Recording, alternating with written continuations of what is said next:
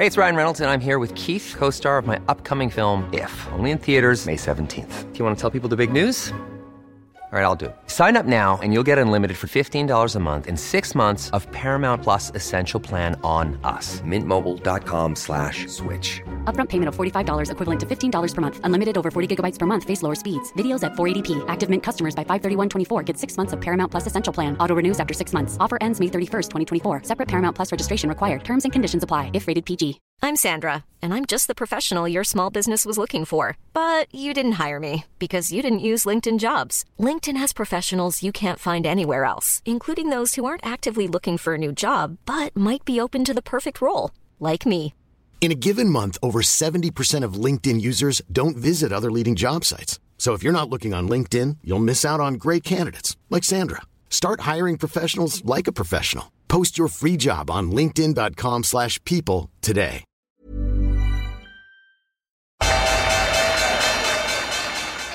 They mistook leverage for genius. Leverage for genius.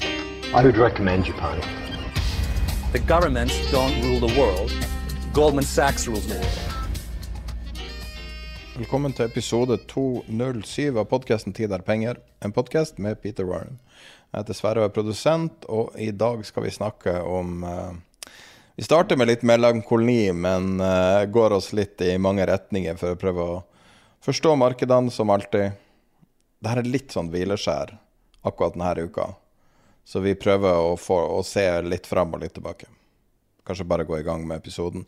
Men før vi gjør det, så må vi snakke om dagens sponsor, som er IG. Så hvis du har hørt på podkasten eh, 'Tid er penger' siden oppstarten i 2018, jeg har akkurat gått tilbake og sett på arkivene, så kan du se at det er et navn som går igjen og igjen og igjen, og det er IG. Men det er én ting du kanskje ikke vet, at de har nettopp lansert et nytt produkt. Kanskje det mest populære handelsproduktet som er i Norge, Bull og Bear-sertifikater. Så nå kan du handle Bull og Bear-sertifikater laga av franske Société General på, direkte på IG sin plattform. Det kan handles mellom klokka åtte på morgenen og ti på kvelden hver dag eh, ukesdag. Og du kan eh, justere giring sånn som du vil, starte på togangeren. Det er ingen kurtasje, og du kan handle det rett på IG sin plattform. Så hvis du har lyst til å teste det ut, kan du gå inn på ig.com-no, eller laste ned appen, eller bare eh, søke det på Google og finne ig.com. Og så er det jo viktig med en påminnelse om at all verdipapirhandel kan du tape penger, og du kan tape alle pengene dine. Så generell eh, anbefaling er ta og, og trade det du kan ta, tåle å tape. Juster ned størrelsen når du gjør ting du kanskje ikke kjenner til. ig.com no. Da starter vi episoden. Ja. Det her er litt sånn flashback fra tidligere episoder der Altså, vi har jo hatt så mange år med så mye hendelser og så mye aktivitet. Det er første uka på ei god stund der tematikken ikke kommer hoppende opp i trynet vårt, liksom. Ja, altså Jeg vil jo si at det er tematikk der ute som, som har, har plutselig blomstret. Altså, man er det, er, det, er, det er litt rart å forstå, men det er først nå man, man har liksom tatt inn over seg at kronen har svekket seg. Altså vi, jeg vet ikke hvor, hvor, hvor, lang tid vi har snakket om det, uh, men nå er liksom avisene eh, fulle av det. Så De har lyst til å snakke om alt utenom å heve renta. De har lyst til å endre mandatet til Norges Bank for å slippe å heve renta. ikke det er litt spesielt? Jo, det er veldig spesielt. Det sier jo litt om at det konsentrerte bettet Norge, altså norske borgere, har gjort i eiendom, er et problem for dem som skal sette reglene. ja. Jeg vet ikke om vi skal vi, vi, om vi skal ta, ta kronene, begynne å snakke om det med en gang, eller om, eller om vi skal ta liksom andre ting først. Ja, det var jo det vi snakka litt om før, eh, som eh, Jeg, jeg, er ramma av litt melakoli i dag. Um, og um, prøvde liksom å tenke om, om, det er noe mer enn bare sånn kommer og går. Um, så jeg føler jo liksom at, at samfunnet er litt sykt, liksom. Og jeg kan ikke sette ord på akkurat hva det er, men, men, jeg tenker jo at det er veldig mange som har en sånn Altså, vi, vi liksom Vi starta året med å bli ramma av ei minibankkrise som kanskje, kanskje ikke er under utvikling. Og vi har eh, norske eiendomsmarkedet, dog primært næringseiendom, virker å være ramma fordi at det globale næringseiendommarkedet har en viss mengde børsnoterte fond osv. som gjør at det går ikke an å late som at det går bra. Fortsatt så er det jo de som, de som gjør det, men det kan vi komme inn på nærmere. Ja, og så, og så tenker jeg at, at, det er så mye negativitet. Og så den kombinasjonen med liksom Ukraina og et Russland under Altså helt liksom ute av kontroll, kombinert med Kina At det er et sånt bakteppe som er så dystert. Og så, og så har vi levd på lånt tid så utrolig lenge. Og så prøver man å holde det gående likevel. Og så sier eh, en finansiell avis sier at inflasjonen faller osv., men jeg vet ikke med deg. Syns du det er billigere på butikker? Nei, ikke det helt. Nei, nei, nei.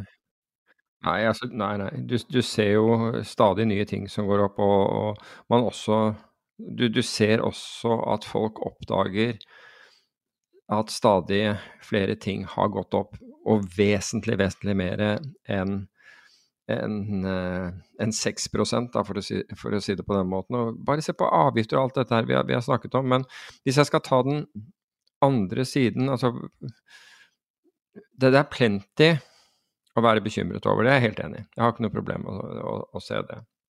Men jeg opplever ikke en, melanko, en melankoli i, i samfunnet. Og så kan du si at er det fordi samfunnet jeg oppdager en, jeg, jeg, ser en frustrasjon, bare så det er sagt. Jeg ser klart en frustrasjon over, over de høye prisene, og at folk har, har, har stadig mindre å, å, rutte med.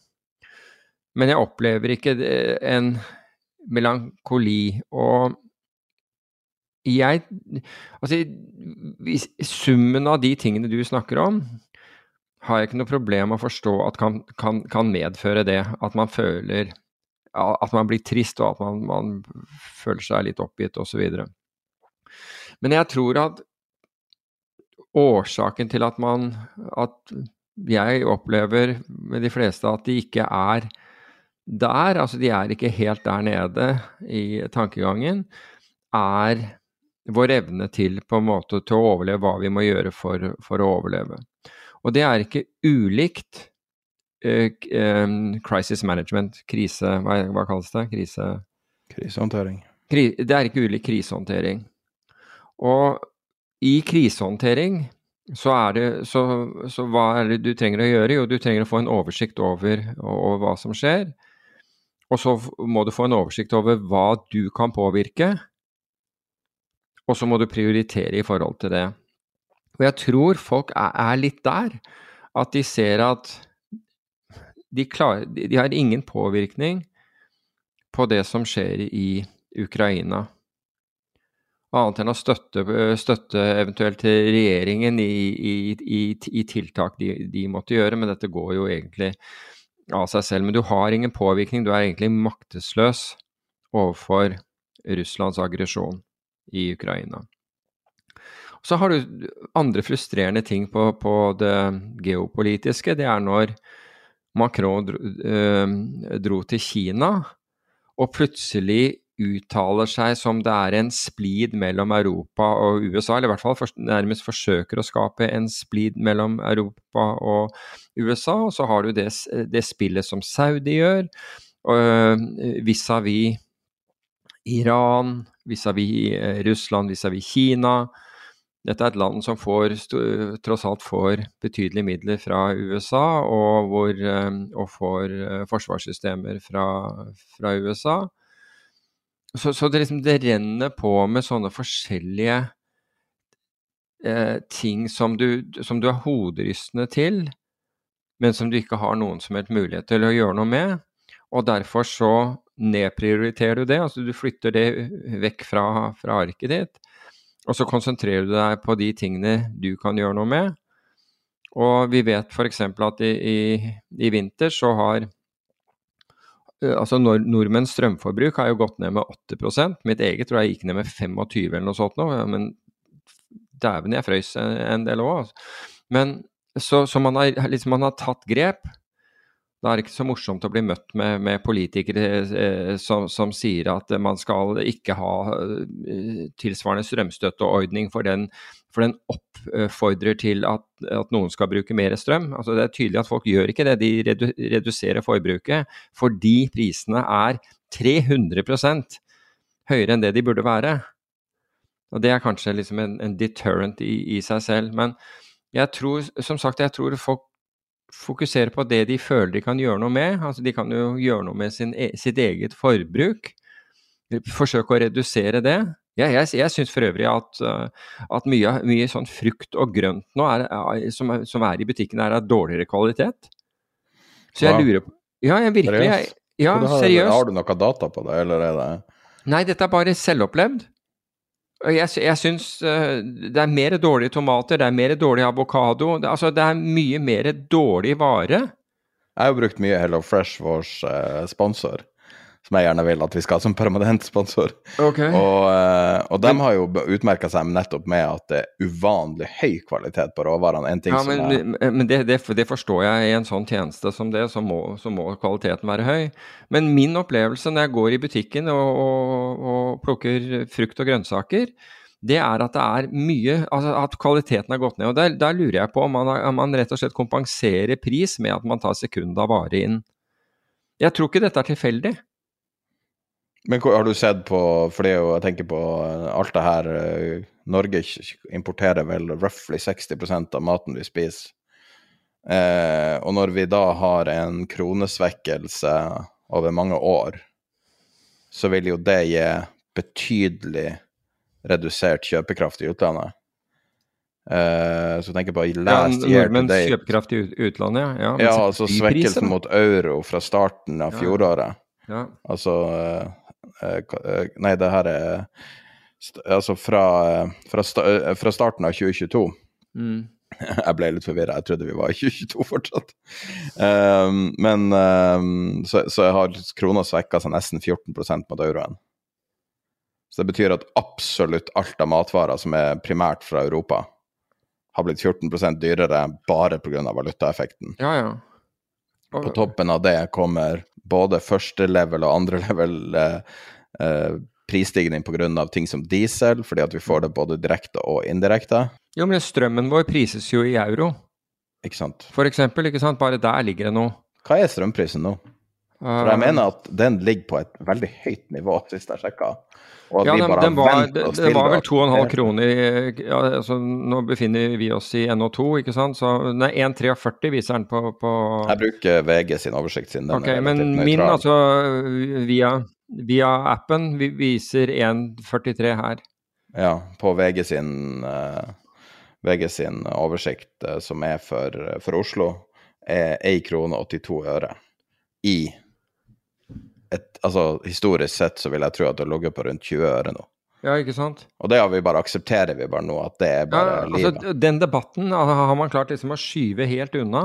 Den, den debatten hvor altså Husk på, vi var, altså det man fikk beskjed om, var at det skulle være liksom kanskje noen få prosent, noen få øre økning og så er vi opp 300% og nå kommer noen flyende med med umiddelbart med det som skjer i um... Vet du hva prisen var i 2020 på akkurat samme dag?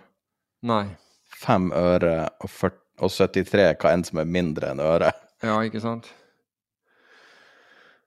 Ja, det er, det, det er, det er helt utrolig hva som har skjedd. Og, og det, det, er selvfølgelig det som har skjedd i Ukraina er en del av det, men det er kun en del av det. Og nå legger da Tyskland ned Eh, sitt siste kjernekraftverk. Men, men det, det, betyr at nordmenn skal da betale for, altså for at Tyskland kvitter seg med kjernekraftverk. Det skal være fordi vi betaler da, vil, vil da etter all sannsynlighet få en høyere strømpris. Og så vil jeg gjerne gjenta det der, fordi strømmen Altså strømmen fra Norge utgjør altså av energibehovet som, altså til oppvarming osv. Som, som, uh, som Europa har og Tyskland har, det utgjør 5% Gass er Hva er det gass er? er, det, er, er eh, Nei, kull er vel opp Hva er det kull utgjør? Er det noe sånn som 30% og resten er gass, tror jeg? Du kan si at når du har Når, det er, når, når det er de siste 5 prosentene, så betyr ikke all verden om du betaler altså tilsvarende da, to kroner per kilowattime eller fire kroner per kilowattime på, på, på, på, altså på, på energiregningen din. Men for nordmenn som får 100% av dette her fra vannkraften i Norge. Bortimot, altså de, med mindre de få gangene hvor vi, hvor vi importerer noe. Så betyr det 100 altså det betyr akkurat det det er. Så hvis du går opp fra én krone til to kroner, ikke sant, så er, så er strømmen din blitt 100% altså kraften din er blitt 100 dyrere. Mens når, du, når det utgjør kun 5% av, av, av Tysklands eh, kraft. Så, så, og, og, og, det betyr jo at en eller annen fyr nede i Gießen eller Hessen eller wherever nede i Tyskland kan, kan Gjerne det. Kan, kan være den siste mannen som byr opp ikke sant, den der prisen, fordi I couldn't care less. Det, det ut, på sluttregningen min så spiller det ingen rolle. Men det spiller en rolle for 5,5 millioner nordmenn. Get it? Og det, det, der har man definitivt ikke tatt inn over seg. Hvorfor skal den, hvorfor skal den ene bestemme det? Men har du lest eh, noe eh, Kafka noen gang? Ja, det er mange år siden, men ja, jeg har det. Uh, er, det ikke, er det ikke han som skrev 'Prosessen'? Ja, nettopp. Og kafkask er jo litt sånn et begrep. Og, og det, når du leser Kafka, det er veldig sånn kvelende, og, og, og, du forstår aldri på en måte du forstår aldri hvem din motpart er, men du vet at uansett hva du gjør, så blir ting verre. Mm. Akkurat som du står i kvikksand og bare beveger deg, og så blir du mer og mer fast jo mer du beveger deg. Og det er litt sånn jeg tenker med liksom at vi prøver å finne sånne skjær av positivitet, sånn som at nå er inflasjonen i Sverige ned til 10,6, eller hva det er. Ja, altså, la oss eh, Altså, det, det har snart gått et år nå så den inflasjonen som er nå på 10% i Sverige, kom på toppen av fjorårets inflasjon. Mm. Year on year, ikke sant. Og, uh, og, og jeg, bare føler at liksom hele liksom den illusjonen som alle bare prøver å holde gående, så du ser i Fed-møtene, og du ser eh, inflasjonstallet, så ser du på folk sine faktiske liv så klarer jeg ikke å se hvordan det her går opp. Og så, og så er det noen ting som er positivt. På den ene sida så har du Nvidia, som jeg har trukket fram et par ganger, som er sånn, en ordentlig business case i et hav av masse pengetrykking. Men, men det er så ikke, på, på den andre sida av Nvidia-casen så har du ChatGPT, som gir alle en sånn eksistensiell bare dread over hva framtida bringer. Mm. At bare OK, kanskje inflasjonen kommer ned, men det er prisen for at inflasjonen kommer ned, at masse jobber blir overflødig, som blir erstatta med automatisering. Hva hvis 30% av stillingen blir automatisert bort? Hva vi skal gjøre da? Ja. Hvordan vil ting fungere da? Og det er jo en legitim og vi har den største offentlige sektoren i verden, utgjør over 60% av BNP. Ja, nå snakker jeg om vi, da mente jeg liksom i verden generelt, ja. men i Norge. Altså Norge har eh, mm. Norge, Sverige og Danmark har omtrent like stor offentlig sektor. Norge er litt større enn de to. Um, men ca. hver tredje nordmann jobber i det offentlige. Og det er jo også det der når du ser politikere nå få helt panikk med kronekursen og begynner å snakke om at man skal endre mandatet der at Norges Bank må også ta hensyn til kronekursen, noe som vil være, i mine øyne, en veldig skummel utvikling hvis de skal få et uh, Det blir vel et trippelmandat, da. Og, uh, og, at de skal være ansvarlig og svare til kronekursen samtidig, uh, når renta og krona henger såpass tett sammen at det ene vil på en måte påvirke den andre.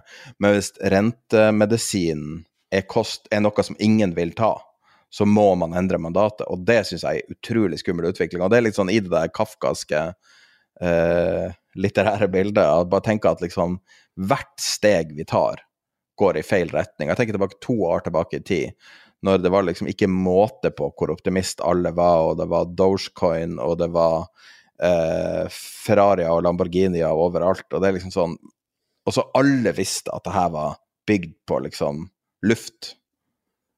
Det var, det var, det var ikke en bunnsolid etterkrigsopptur. Det her var ustødig grunn, pengetrykking og covid og hele pakka. Så jeg bare, jeg bare kjenner veldig på den følelsen, og beklager å være en sånn uh, calm down. Men uh, i en sånn mellomfase så, så, stopper jeg opp og bare tenker hva er det vi holder på med? Jeg vet nesten ikke hva, hva, hva som Altså, det høres sykt ut, men, men, jeg skjønner på en måte nesten ikke poenget med noe. Men en av de tingene er jo at myndigheter også har skjøvet hele tiden problemet foran seg. Altså, dette gjelder ikke Norge spesielt, men ta f.eks. finanskrisen, europeisk gjeldskrisen osv. Alt har blitt skjøvet foran seg he foran hele tiden, og så fikk vi den der boomen som kom rett etter, etter covid. altså for, for, det første pengetrykkingen, og så den, den ekstra, ekstra, boosten et, da, da, covid Da man skulle motvirke effektene av, av, covid. Og se hva det har skapt. Det, har skapt altså av av bl.a. sosiale forskjeller. Det er, sant, det, er, det er, grensesprengende. Men vi forsøker å late som. altså Vi, vi, ønsker ikke å forholde oss til, til disse tingene. og og, jeg Altså, jeg ser ikke den melankolien som, som du gjør. Jeg, og, og, og, min spekulasjon er altså Enten så bryr ikke folk seg, og det, det, det, tror jeg er litt for enkelt å tro, fordi alle merker, alle merker det på lommeboken. ikke sant, Når du har når, når bare rentene på lånet ditt, altså Eller når, når, strøm, når strømregningen din, for, for, min egen del, da, eh, i desember way overgikk det jeg, det jeg, betalte i rente på, på, på, på boliglån. Da er, ikke, da er, kanskje ikke den renten som er det viktigste i øyeblikket. De, og alle andre avgifter settes opp og skatter settes opp. Så blir, det, så blir det nesten feil fokus å se på, se på, renten, men den er blitt en sånn generisk veldig enkel sak å, å se på. Og alle er enige om hva den er. Og, og, og derfor så, så, fokuserer vi der istedenfor å fokusere på alt det andre. Altså hva var det, hva var det Jan Andreassen foreslo? Altså fjern matvaremomsen, for ikke sant? Altså, ja, men altså, For å være helt ærlig, Norge trenger jo penger for å betale den offentlige sektoren. Altså, det, her, det, er jo en grunn til at vi har den her uh, vanvittige momsen og alle avgiftene i øst og vest. Det er en grunn jo, men da burde vi kanskje effektivisere den offentlige sektoren. Hva, hva må tenke på det, da? Skjønner du ikke at det her er between a rock and a hard place? Jo. Det er et system som er konstruert opp for å generere kunstig lav ledighet i Norge. Reell ledighet i Norge er 15-20 ja, Det er poenget mitt. Hvis vi bare fortsetter å skyve problemene foran oss vi, Og det er det vi gjør. ikke sant? Vi, vi, bare hever nå skatter og avgifter og gjør det surest mulig for, for alle. Og så, vi, og, og, så får du full fokus på Norges Bank og renten. Altså tenk, Elisabeth Holvik var ute i forrige uke, og hun tok bladet fra munnen når det gjaldt altså, eh, ting altså La oss bare ta kort om kronen mens vi er inne på det, da, og så kan vi gå tilbake igjen. Eh, når det gjelder, altså Hva er det, hva er det som, som, som, skjer? Jo, det er valutastrømmer. ikke sant? Og valuta, eller da, første er jo rentedifferanser. Nummer én, vi har en liten valuta. Det kan vi alle være enig i. Altså det, er, det er lite i volum, så vi betyr ikke noe i verdenssammenheng. Og derfor betyr Norges Bank sine kjøp så mye, fordi at prosentmessig er det så stor andel av omsetningen? Ja, ja, ja, det kan det være. Selv om halvannen milliard om dagen, det er, det, det er ikke mye i, eh, i valutamarkedet på, på, på, noen som helst måte. Men hvis vi ser på rentedifferanser da kan man godt argumentere for at Norges Bank burde vært altså hvis, hvis det var for å holde kronen, så burde de vært raskere med å sette opp renten, slik at vi ikke fikk den negative rentedifferansen til utlandet. ikke sant? Amerikanske renter er vesentlig høyere enn en, en norske, f.eks. Og normalt sett så har Norge hatt høyere rente enn en USA.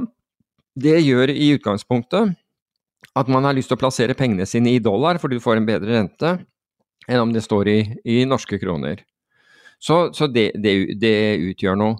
Så er det jo selvfølgelig alt det, den politiske turbulensen i forhold til næringslivet og endrede skatter, som betyr at utenlandske investorer sier Norge brukte å være et stabilt land å investere i, men her ser vi at nå her, ting, her endrer ting seg over natt. Her kommer det skatter og avgifter over natt som, som, eh, som, som umiddelbart virker. Du får ikke en sjanse. Altså selv om det er høringsrunder, så er de vedtatt før, før høringsrunder er ferdige osv.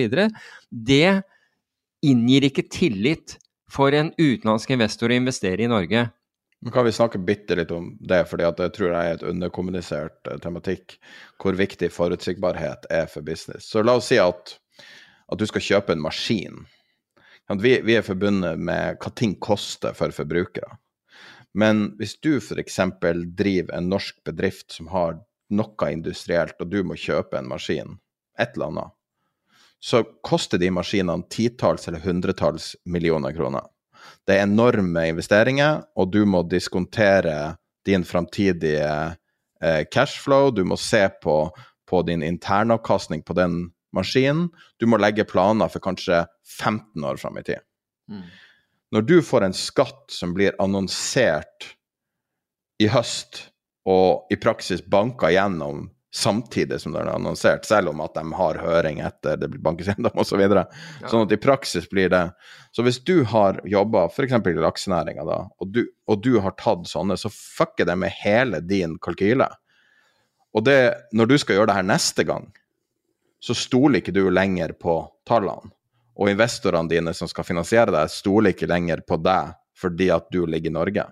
Det er prisen å betale for den hasardiøse måten de håndterer norske skatter og avgifter på.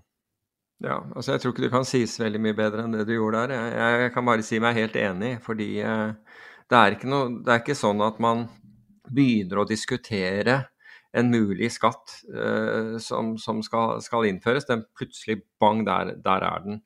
Jeg kan ta et annet eksempel, noe en skatt som kan komme. Skulle, altså, en av de mest profitable næringene i Norge er folk som Dette var faktisk en interessant diskusjon. Vi drev og diskuterte prisen på fisk. Og da var det en som insisterte på hele tida å ta med eh, kostnaden på, på maten som skulle mate fisken, sier jeg, men, men, det går an å fiske fisk i havet også, altså, du er klar over det? Mm. og, og, det var helt sånn De tok for gitt at all fisk var oppdrettsfisk, men la oss si at, at uh, vanlige redere blir ramma av en lignende situasjon som, eh, som de her lakseselskapene ble, de her lakseoppdretterne. Dem, en, typisk, en, typisk fiske, altså, en typisk lån for en reder kan være 600 millioner kroner. Du kan bare prøve å forestille deg hva månedlig betaling er på et lån på 600 millioner.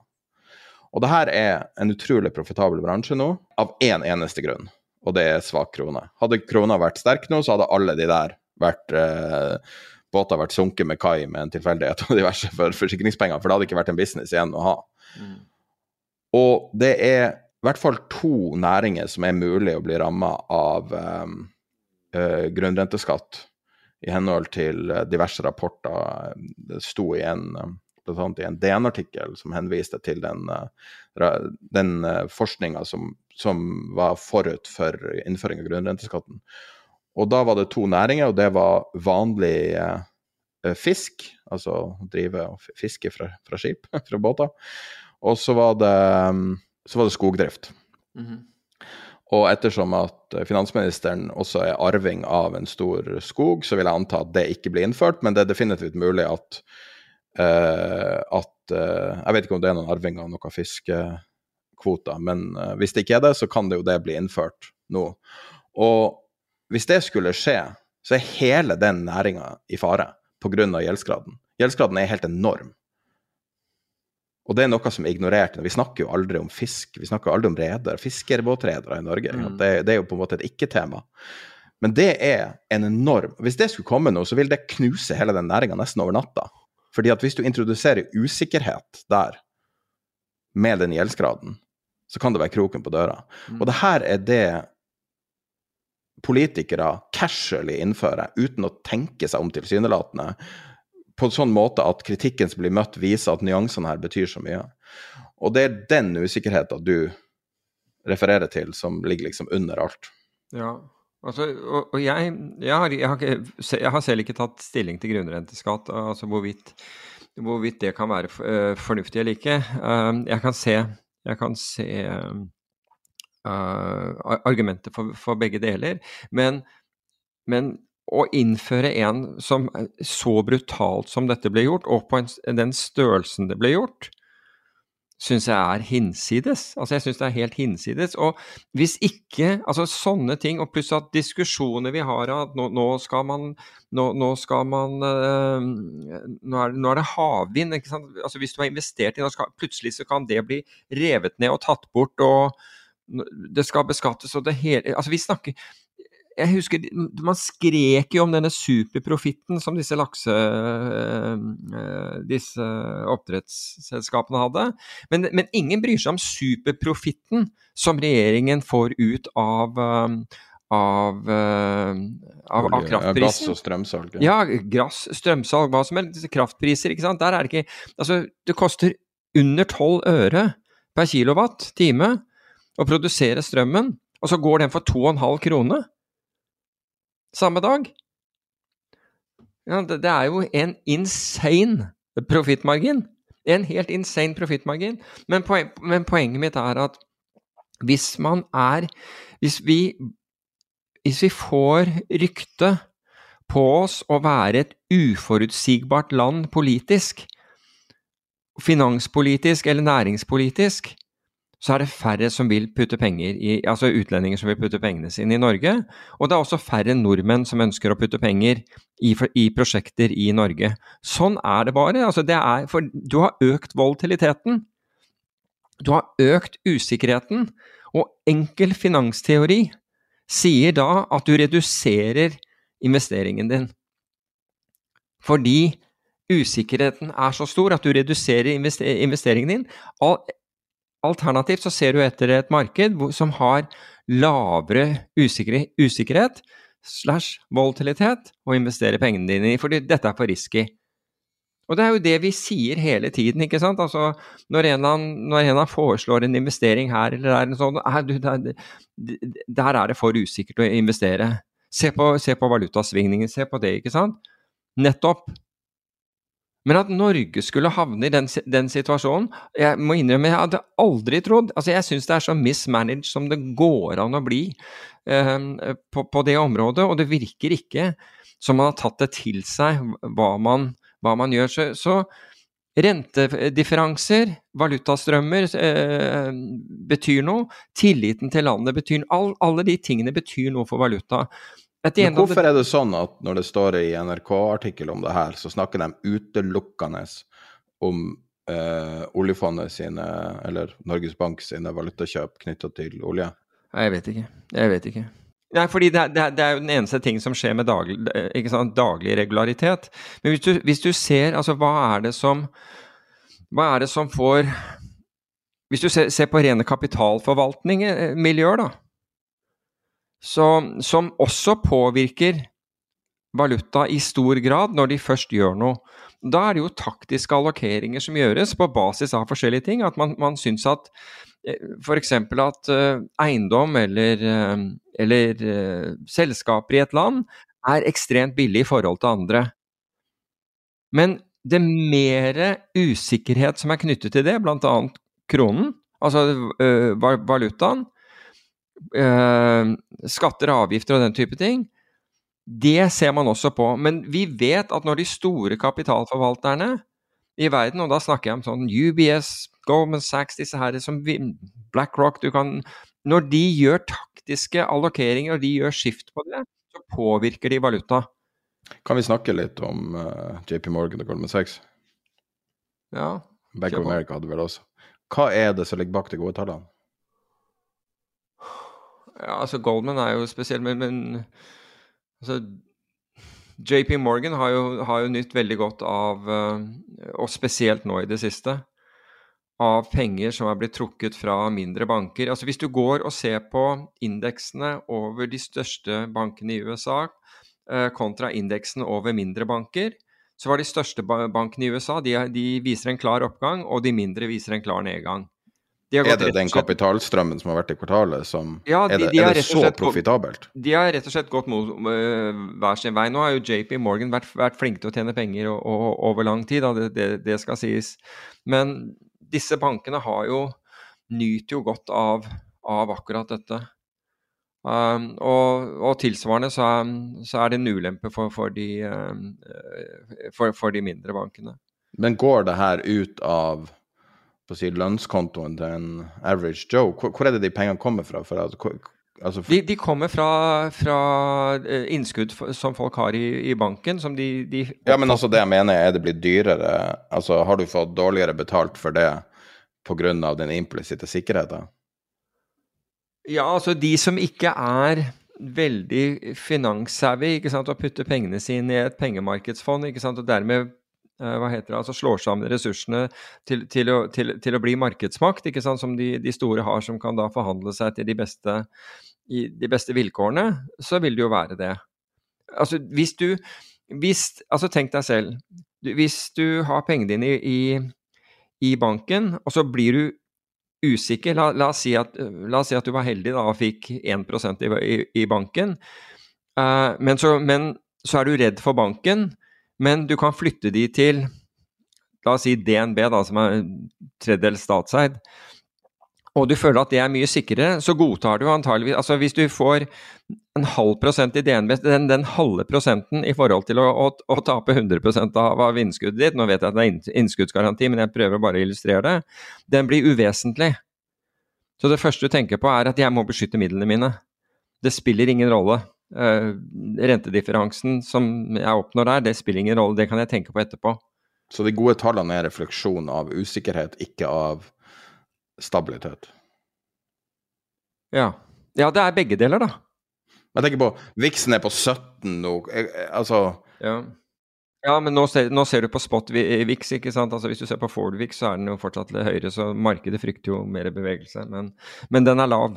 Og så har eh, volatiliteten i obligasjoner kommet ned og på en måte møtt VIX-en. Sånn at uh, de har jo vært ukorrelert lenge og er langt mer korrelert nå. Uh, mm. Mange trodde kanskje at det var VIX som skulle komme opp til Move-indeksen, ikke Move-indeksen som skulle ned til VIX-indeksen, men ja, jeg, jeg ville jo sagt at jeg, jeg, hadde jo trodd egentlig på, på begge deler at moven, Move skulle ned, men, men også at VIX skulle, uh, skulle, skulle, nærme seg. Det, det, må jeg innrømme, fordi jeg mener at den usikkerheten som ligger i rente, og egentlig nå i kredittmarkedene, uh, fordi, fordi, det blir en, en, en kreditteksponering i, i, i mange tilfeller, Uh, ikke, ikke, fra Move, for den, den, den er statsobligasjoner, men, men, men, men Så én var å få svingningene på, på, den ned da likviditeten kom tilbake til markedet. Altså, jeg har som et punkt å, å, å snakke om det, fordi Cliff Asnes i, um, i AQR gikk ut nå, nå, i helgen. Fordi Gary Gensler, som er da sjef for det amerikanske finanstilsynet, han gikk da ut at nå skulle man, nå skulle man se nøye på, på, på hedgefond og muligens også regulere dem pga. bl.a. tap som mange eh, fond gikk på i mars, da det var kjempestore rente, rentebevegelser. Um, og Jeg mener at det er så historieløst. Det var en journalist som sendte meg uh, dette klippet i, uh, fra Financial Times i, i, i helgen. Jeg, jeg, hadde allerede lest det, men, men, men poenget er at dette ble varslet om i 2010, da man innførte Dodd-Frank-reguleringen og tok bankene ut av det markedet i stor grad, for bankene fikk ikke da lov til å ta posisjoner sånn som de gjorde tidligere. Konsekvensen av det ville bli et mye mindre uh, likvid marked, med potensielt mye større svingninger. Og det har vi sett siden ved flere anledninger, ikke minst under covid i 2020 hvor, hvor, det var liksom total kaos i markedet for statsobligasjoner. Og nå igjen, i forbindelse med Silicon Valley Bank og de andre bankene som fikk, fikk problemer. Det fantes ikke prising i det markedet. altså det var kun high frequency og hedgefond som på en måte sørger for likviditeten akkurat det som var ankepunktet bak måten altså uh, mot Dodd-Frank, altså mot denne re reguleringen og hva den ville, ville, føre til. Det har blitt en sannhet. Og så klarer da Gary Gensler å si at nå må vi, se på hedge, nå må vi virkelig se på hedgefondene. Ok, du, du vil ikke se på det at dere har liksom godkjent en regulering som har gitt denne konsekvensen. Ta hedgefondet ut av dette markedet og se hvor mye som er igjen da. Da er det plutselig ikke noen som, som, som er villig til å, til å, påta seg risiko i disse markedene, og de blir enda mindre likvide. Så, så jeg, jeg, jeg skjønner uh, Cliff Asnes uh, frustrasjon, og, og, har hatt akkurat den samme frustrasjonen selv. fordi dette er jo Det var jo som å tenne en lunte på det tidspunktet. Det var bare et spørsmål om, i, om tid før vi fikk en eller annen situasjon hvor, hvor dette ble uh, opplagt for alle. Og nå later man som om at jøss, se hva som har skjedd her, nå er vi nødt til å se på Nå er vi nødt til å se på ikke på hva som har gitt disse konsekvensene, men de det har gått utover. Really? Altså, altså hvordan liksom Ja, jeg vet ikke. Det, det er, jeg tror det er en grunn til at jeg tror bare, jeg tror det er en grunn til at det var kun tre søkere til stillingen til, til finansdirektør i Norge, for å si det på den måten. Uh, og ene var, eh, var, var, Hva var det for noe? En 27 år gammel privatlærer. Tenker du på leder av Finanstilsynet? Ja. Altså, nå, nå, nå, ekstrapolerer jeg til det norske markedet også, men, men det har bare liksom vist seg at uh. Alle tegn vi ser, peker jo at det står dårlig til i næringseiendommarkedet, som er et generelt ganske lukka marked som outsidere ikke ser så mye til. Um... Og hvorfor? Jo, fordi det er ikke prising på samme måte som f.eks. børsnoterte produkter, med mindre de er i børsnoterte fond. Ja, såkalt REITs. Ja, ikke sant. Kan, det, gjerne, gjerne, REITs, men eller i, i, andre typer fond, eller andre typer Eller at en eiendom er børsnotert, eller et eller annet sånt. ikke sant? Da, da får du hva vi kaller price discovery, altså hvor du kan se prisen på, på en daglig basis. Og da kan du si at jøss, nå gikk det mye ned, gitt.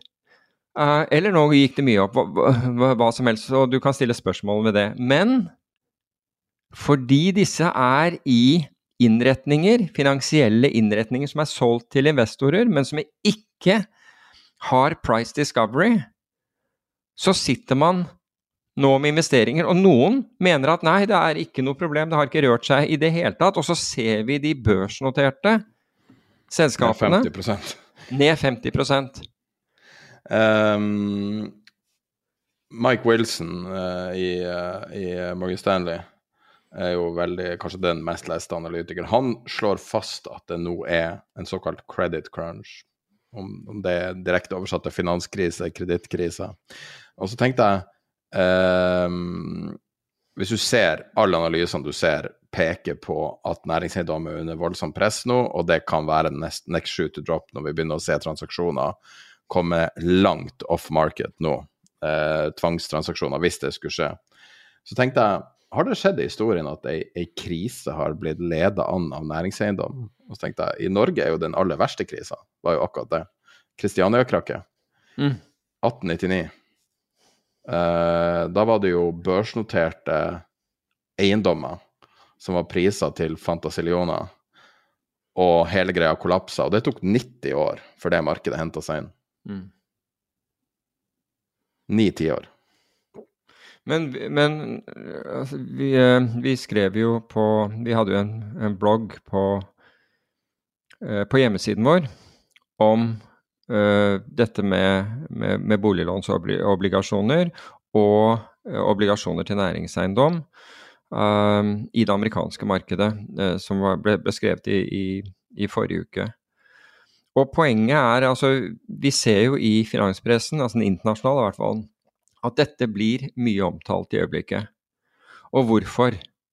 Og det er det viktige. Hvorfor blir dette her plutselig dukker dette her opp som et interessant tema? For egentlig så har problemet vært her ganske lenge.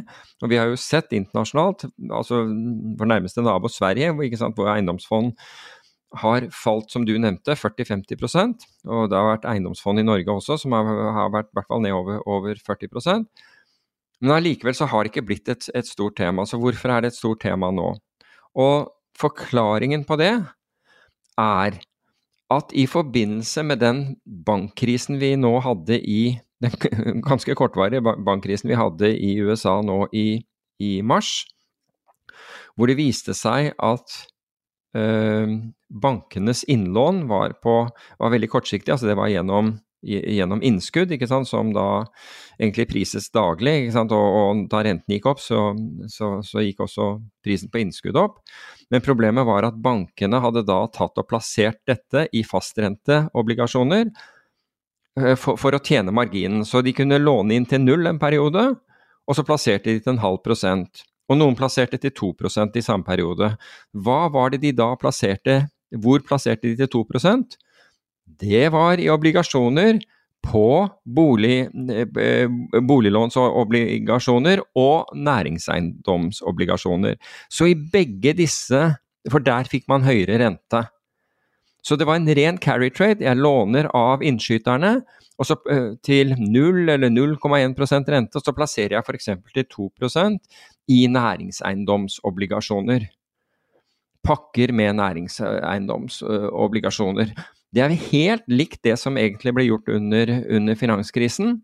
Eh, for disse næringseiendomsobligasjonene er i forskjellige transjer, avhengig av hvor sikre de er. Og det vi har sett er jo at den minst sikre delen av den, eh, det som er dobbelt B, den er nå nede på rundt 60 cent på dollaren. Så det betyr at hvis du har hvis vi, og tenk deg da at du har et innlån som i øyeblikket du kanskje må betale 5% for, men det du har plassert pengene i, er, har nå falt med nesten 40% Da, du, da, da har du en, en, et reelt problem. Fordi du, du har et urealisert stort tap. Så det som den amerikanske sentralbank ble tvunget til å gjøre, var ikke bare å ta imot statsobligasjoner som sikkerhet når disse bankene trengte penger. Og det var statsobligasjoner som også hadde falt i verdi, men ikke så mye. Men de var også villige til å ta MBS, altså eh, boliglånsobligasjoner, og CMBS, som er eh, eh, næringseiendomsobligasjoner, fra bankene som sikkerhet. Og fordi alt dette er blitt nå overført til den amerikanske sentralbank, så er jo dette her nå et spørsmål om Som har gått fra å, å være om eh, likviditet, likviditeten man, eh, tok man seg av, til muligens solvens. Fordi, hvis du ser Altså, det er noe sånt som Er det 1500 milliarder dollar som er i utestående her? Det er, liksom, det er et relativt stort beløp som, som, er utestående, og som kanskje da har en vesentlig lavere verdi. Og det går ut også, og, og, til slutt så må jo denne verdien Altså, det er greit at du har fått lånt en dollar for noe som er verdt 60 cent i øyeblikket, men, ikke, men du, er, du kommer til å være forpliktet til å levere den der dollaren tilbake. Så hvor skal du da ta de 40 centene som du har gått i tap? Jo, det må bli på egenkapitalen din. Så dermed så, så kan du si at, det, at, vi har en Vi skyver en solvenskrise, kall det en kredittkrise, foran oss, for hvordan skal man klare å finansiere opp dette? Og det er litt av, av den der issuen. Så når Mike Wilsons mener at vi allerede er inne i en kredittkrise, så kan han ha rett i det, men det er forskjell på en likviditetskrise og en kredittkrise. For en likviditetskrise den kan du ordne opp i der og da ved å tilføre midler. Men en kredittkrise den vil ikke komme, egentlig komme til syne før ting forfaller og, og, og, og tapene blir realisert.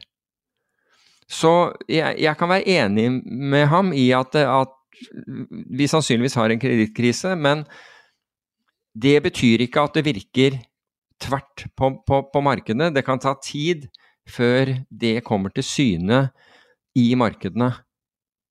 Men altså, det sagt, så er det jo også en grunn til at, at uh, man nå i USA sier at vi får Altså nå, nå går det ikke på om vi får en re resesjon eller ikke, men nå tror man at man får en mild resesjon. Så man, man har liksom gått fra det å få et økonomisk tilbakefall, altså diskutere hvorvidt det er å si at nei, det skjer ikke osv., til å ha en aksept for at det blir et økonomisk tilbakefall, men man håper at det skal bli mildt.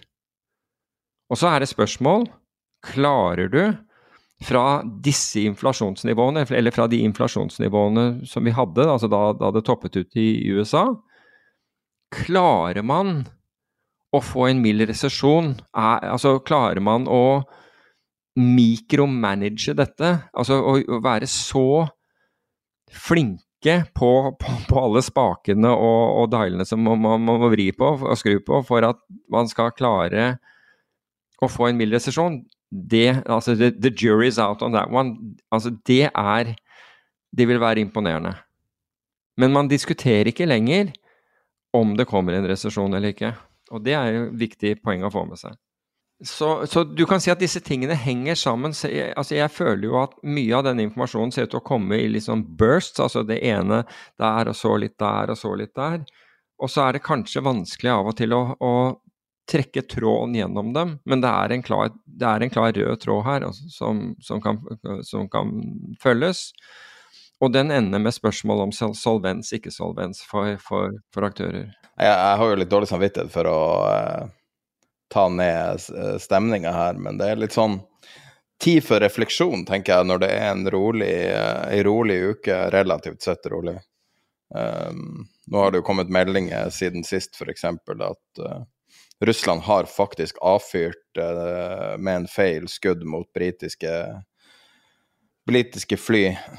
Det var bare dårlig kvalitet på russiske utstyr som gjorde at det ikke utløste artikkel 5, ser det ut som. Iran dømte jo de, den avdelingen som var ansvarlig for å ha skutt ned det ukrainske flyet. Når var det det ble skutt ned? Det, var, det er mange år siden nå. Men nå De ble dømt i forrige uke, gjorde de ikke det? Det er han som var ansvarlig for den avdelingen, offiseren som var ansvarlig, fikk noe sånt som ti år. Så, ja, det som var i 2020, ja. Stemmer. Ja, var det 2020 det skjedde i? Det, du kan ha rett. Men jeg trodde, jeg trodde, faktisk det var før det, men uh... Det er liksom noen land som er bare innblanda i alt mulig i historien. Og Ukraina og Iran er definitivt to av dem. Når du går tilbake i historien, så dukker de landene opp i alle mulige slags settinger. Det er liksom nesten rart. Men kan jeg ta en da, digresjon fra Iran sin vei inne på det, og, og ta to rettelser eh, fra, som, eh, som enten eh, Eh, som, som, jeg regner med at lytterne, i hvert fall Jeg vet at noen av lytterne, i hvert fall de som jobber rett nord for Oslo, må ha gremmes over den, den, ene, og det var at jeg, at jeg sa at Hizbollah hørte hjemme i Libya. Det gjør de selvfølgelig ikke. Hizbollah er både et politi... Altså, jeg hørte på episoden, men da hadde du allerede sendt den ut. Jeg hørte på den der, jeg var ute og gikk senere på på, på, kvelden og hørte med en gang at, at, jeg sa det og tenkte å herregud. ikke sant? Altså Hezbollah-milissen, altså siden vi er inne på Iran, og, det, Iran støtter jo Hezbollah-milissen. Men Hezbollah er jo et, eh, er jo et uh, libanesisk politisk uh, parti fra, fra Syd-Libanon som også har da denne uh, en militær styrke. som blant annet slåss mot IS i, i Syria, men du, du finner dem i Afrika og ja, rundt, om, rundt, omkring overalt, og de har kidnappet uh, amerikanske diplomater og ja, ja det, det, er mye i hvert fall med, med Hizbollah. Men poenget mitt er at den er utvilsomt libanesisk. Og for de som har vært i Libanon, så eh, du drar ikke veldig langt syd, altså i hvert fall ikke, du krysser ikke Litanielven for å si det på den måten, uh, som turist. Selv i dag, det vil ikke være spesielt smartere. Um, det var den ene feilen jeg gjorde. Og den andre var at jeg sa forskjellen mellom, mellom eh, var det jeg sa, treårsrenten og tiårsrenten, men, men jeg mente tremånedersrenten og, og, og, og tiårsrenten. fordi den hadde invertert, altså den, den, var da på det laveste den har vært. altså, eller Du må, må vanvittig langt tilbake i tid. Så dette var den amerikanske renten. Uh, bare beklager eh, begge de feilene. og for dere som ble, var klar over dem, så så øh, jeg, jeg, blir aldri, jeg, blir aldri, sur for, for, for å, å bli, bli, rettet på, men denne her, øh, denne her, i det minste, denne her fikk jeg med meg selv. Så, så sånn var den. Hvor var vi igjen? Vi var på Iran og Mar Ukraina. Markedet siste uke. ja, vi skal, hvis vi tar markedet siste, sist uke, vi kan godt uh, gå innom uh, den. og da var det Galaxy som, som ledet an til oppsiden. Altså det, Microstrategy slo dem også.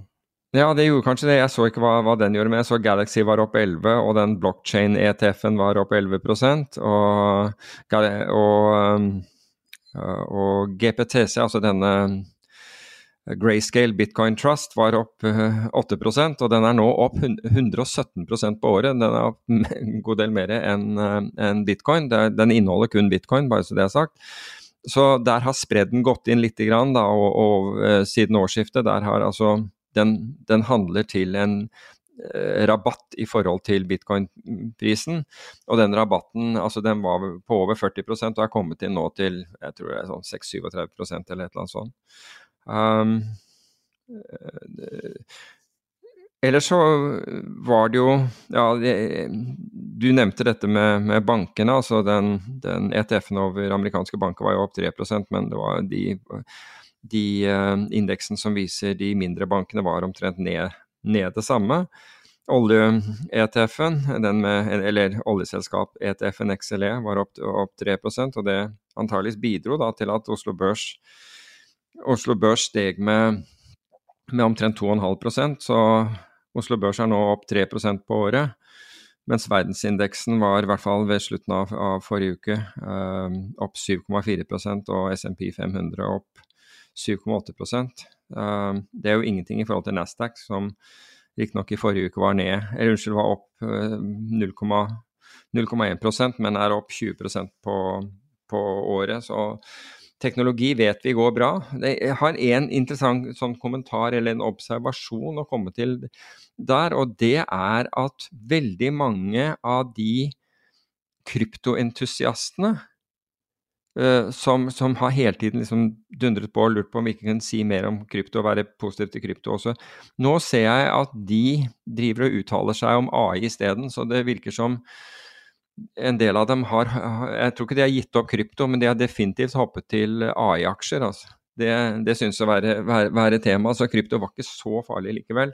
Men jeg hadde også mistanke om at veldig mange av disse her var, ikke nødvendigvis var eh, var eh, krypto, altså så på kryptovaluta som og var med der pga.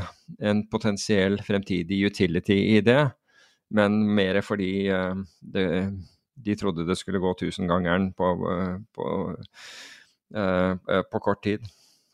Jeg må bare gå inn og sjekke en kar jeg har brukt som indikator uh, i veldig mange år på, på, trender.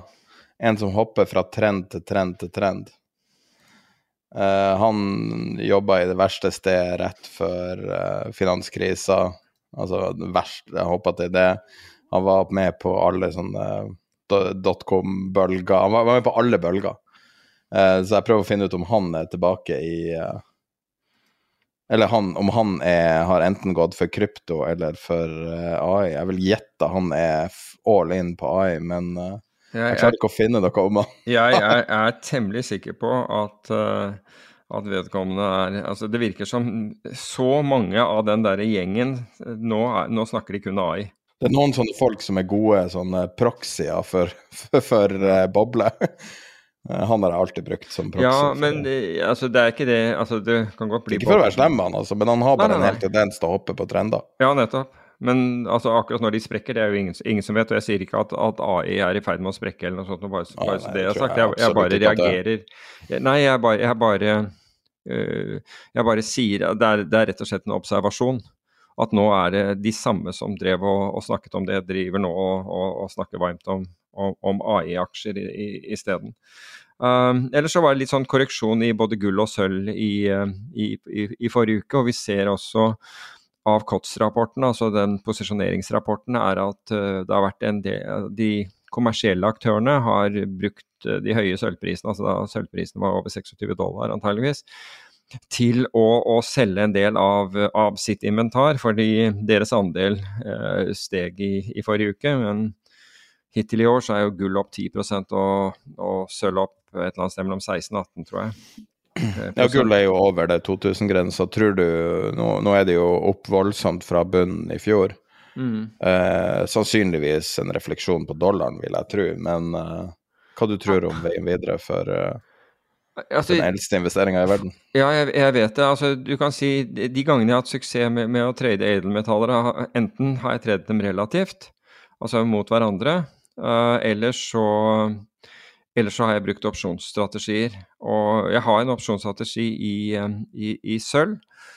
Forfaller vel neste uke, så vidt jeg vet. Men der har jeg tatt gevinst på i hvert fall 80% av den Nei, er det det? Ja, nesten. nesten nei, 70% av den, tror jeg nå. Um, så altså rett og slett pga. volatiliteten. Hvis du så sølv på, på, på, fredag, du fulgte kanskje ikke med på det, men der hadde du noe sånt som 3, nei, ja, nesten 4% fra topp til bunn. Og da begynner det å bli mye bevegelse. altså.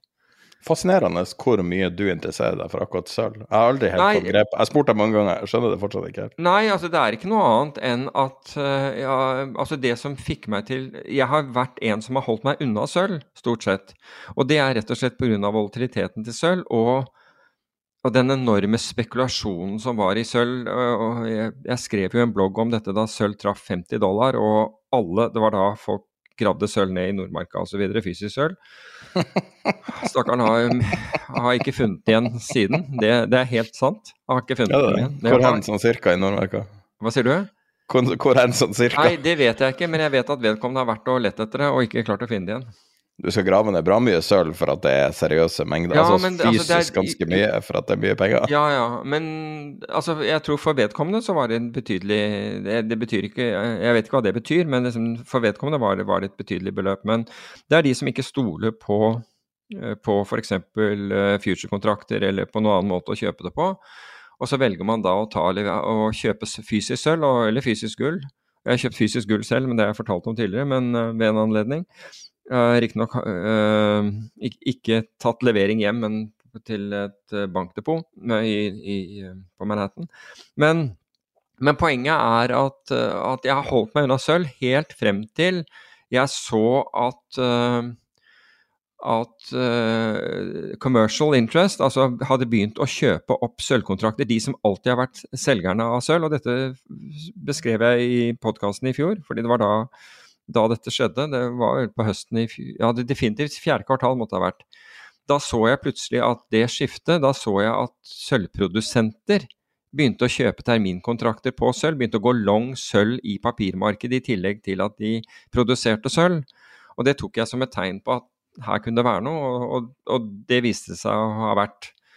Så, så, det var det som fikk meg interessert i det. Og så hadde jeg vel en sølvposisjon i begynnelsen av Altså, de forfalt, det der forfalt vel i desember, tror jeg. Og så hadde jeg en sølvposisjon i begynnelsen av året som gikk i null, altså hvor, uh, hvor det ikke ble noe av. Altså hvor jeg tapte uh, opsjonspremien. Jeg hadde tatt noe gevinst på det, men det ble likevel et lite tap på det. Og så uh, tok jeg på en ny posisjon her for jeg vet ikke, kan det være en måned siden, da? Jo, jeg tror ca. en måned siden.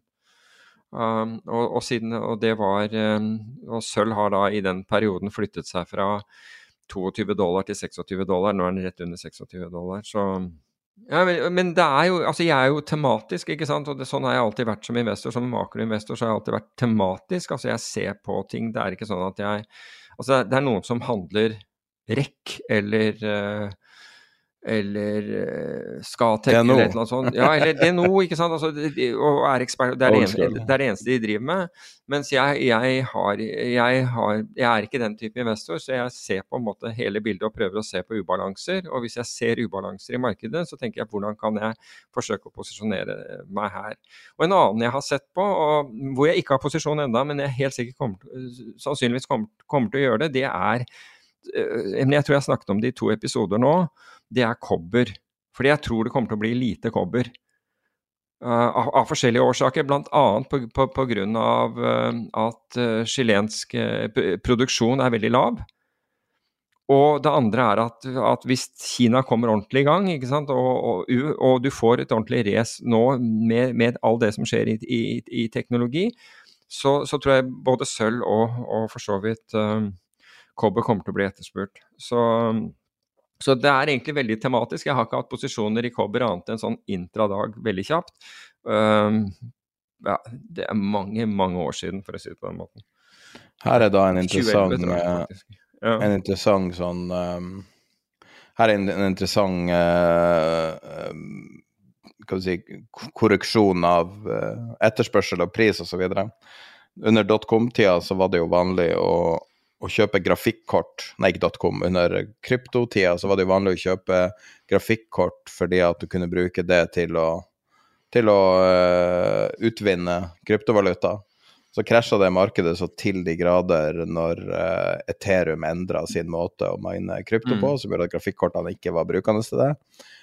Og så nesten på slaget så ble jo det erstatta med litt andre type kort fra samme leverandører som lager grafikkort, for det kunne brukes til kunstig intelligens. Og så har du, vi har jo snakka litt om de A100 og H100-kortene fra Nvidia. Og nå selges de H100, altså de top of the line-kortene, selges nå på eBay som mellom 10 og 20% over prisen. Og de her kortene her koster jo en halv, altså tett på en halv million per kort så store etterspørselen etter å kunne gjøre de her AI-operasjonene. Wow. Og eh, i motsetning til kryptovaluta, der det hadde en begrensa utility utover å trykke det her, så er det jo det her Altså, vi har jo så vidt begynt å se den lange halen av kunstig intelligens, og hvis det her går noe som helst i den retninga, mer med mer produkter, så vil jo behovet for datakraft være nesten uendelig. Så det kan jo være en repetisjon av Cisco på slutten av 90-tallet med internett. Ja. Jeg tror ikke vi har tatt helt inn over oss hvor stort behov for datakraft, altså for, for, hardware, det vil være. Du ser jo nå allerede hva det koster. altså Folk blakker seg jo helt på å eh, koble opp mot API-et til mm. eh, OpenAI. og altså Det her går jo rett i lomma på Microsoft og OpenAI. Du må leie deg inn for dyre dommer, og mange ønsker å ha lokale løsninger for å slippe å betale per time. Mm. Så jeg syns fortsatt det her er et Nå er jeg dessverre i samme båt som Jim Cramer her, som er veldig bullish som så en dag. Så det, jo, det, lover jo dårlig, men det, stoppa klokke kan vel ha rett to noen ganger. Altså. Ja, men, eh, men i, altså, mens vi er inne på det, så er, var det interessant, syns jeg var interessant at Elon Musk går rundt og samler underskrifter for at man skal stanse utviklingen. At, at, at det må bli en stans på AI. I forrige uke. Altså. Ja, i forrige uke. For bare noen dager etterpå så, så, kommer det for en dag at han setter opp et eget selskap og har kjøpt tonnevis av Nvidia-kort. Fordi han skal, å, han skal prøve å ta igjen liksom konkurrentene. Hva, jeg mener, er det mulig, eller? Altså, da Altså, da blir du ikke flau, for å si det på den. Da skal det mye til å gjøre deg flau når du, når du får Steve Wozniak og har fått undertegn og masse sånn som går bredt ut, og det blir gjengitt over hele verden at nå må man stoppe utviklingen. Og alt du forsøker å gjøre, er å, er å bremse den slik at du, at du kommer i kapp selv. er det mulig? Er det ingen som har konfrontert han med dette, eller? Jeg har ikke sett en eneste en, jeg. Det, det forbauser meg liksom at ingen har sagt du, hva, Syns du ikke at det var litt sånn Hva heter, hva heter det for noe? Sånn two-face? Ja, dobbeltmoral. Ja, dobbeltmoral. Liksom, det derre når, du, når du nå skal og, og annonsere at du skal hente inn penger, og det er liksom hele greia. Jeg syns den der var helt, uh, helt spesiell, jeg. Jeg syns fortsatt det er Altså, det går i sånn uh, bølgedaler for meg, det her med mulighetene på alle de her, det å automatisere og så samtidig, hvordan vil det her se ut? Hvordan vil de endringene se ut? Vil det her være liksom sånn svartedauden-aktig endring av samfunnet? Jeg, jeg, tenker jo at sånn rent sikkerhetsmessig så, må, så, så krever det at, at man putter mye tankekraft på dette. EU skal jo regulere det nå, da. Ja, men, jeg, men, det krever liksom at man putter Jo, men ikke sant, vet de hva de skal regulere, og hvordan? Altså fordi man sier jo at du kan gjøre altså Det er så enkelt å gjøre forskjellige typer deepfake ut av dette her, og ikke minst påvirkningsoperasjoner, som bli, vil bli svært vanskelig å avdekke fordi dette er så proft og, og, og har så enorm tilgang til, til kunnskap. Um, at jeg, jeg, ser der Der ser jeg et, et problem som man, uh, som man skal, ta, uh, skal, ta, på alvor. Men uh, men jeg, jeg, kunne ikke annet enn å riste på hodet. Var, jeg trodde først at det var en spøk. Altså. Når jeg så at han, eh, at han dro i gang dette X-selskapet for, uh, for å gjøre dette her selv. Så det er mannen som har bedt verden stoppe. Alle andre skal stoppe enn han. Uh, for øvrig, mens jeg er inne på det, jeg, jeg kan ikke dy meg, vi, vi, snakket, og jeg vet at dette er å gå litt tilbake, men jeg skal bare være på det et sekund eller to. Og det er at i forbindelse med denne reaktoren, altså den, den siste kjernekraftreaktoren som man la ned i Tyskland, eller stengte i Tyskland, så kan man lure på kan det bety noe for, uh, for hva, hva, betyr det for, uh, for strømprisene? Vel, E.ON, på basis av at de stengte denne, økte prisene for, for kraft, altså for strøm, i nord... Hva heter det stedet? North Rhine-Westfalia med, get this, 45 Auda. Kafka, jeg sier det. Alt bare er vanskelig, alt blir verre. Alt blir bare verre hele tida. Ja. 45 oppgang i, i, strømprisen, og, og, nå skal, og, nå skal, Norge Og hva, hva tror du det, det, betyr for vår eksport? Det betyr at en eller annen kar i da Vestfalia sitter der og, og byr en idiotpris for den, den, siste prosenten han trenger av, av strøm, som, som, påvirker strømprisen for 5,5 millioner nordmenn. Lykke til, dette blir bra. Som er prisa i euro.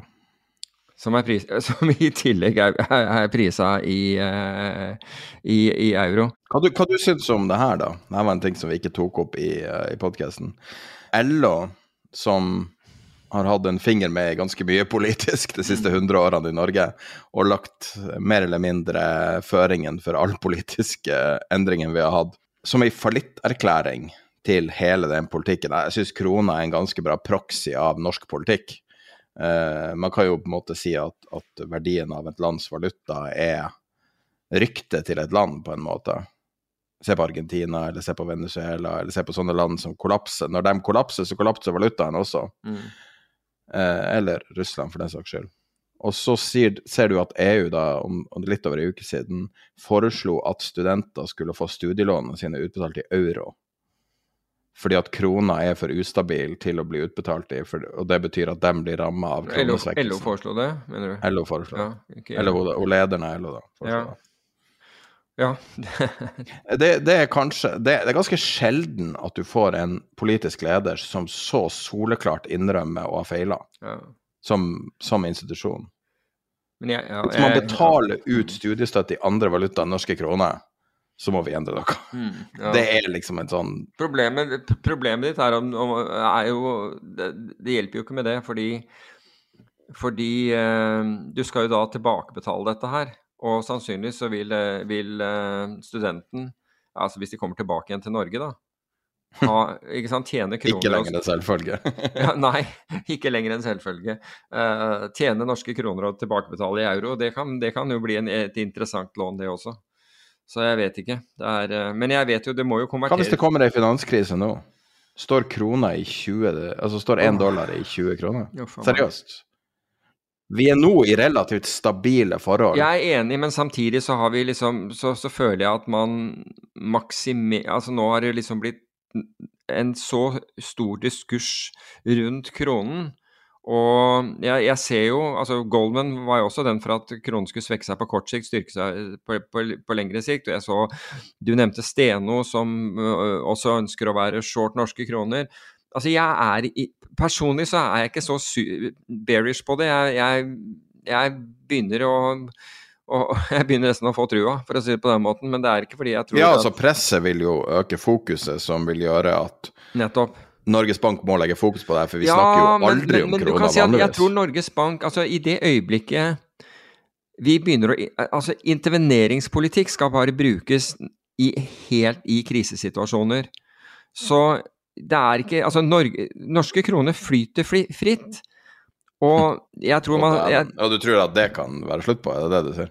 Nei, jeg, jeg tror at, at, man, at, Norges Bank, og det tror jeg Norges Bank er, er, er, veldig klar over også, de er tross alt i valutamarkedet hver eneste dag, så de kjenner jo valutamarkedet veldig, veldig godt.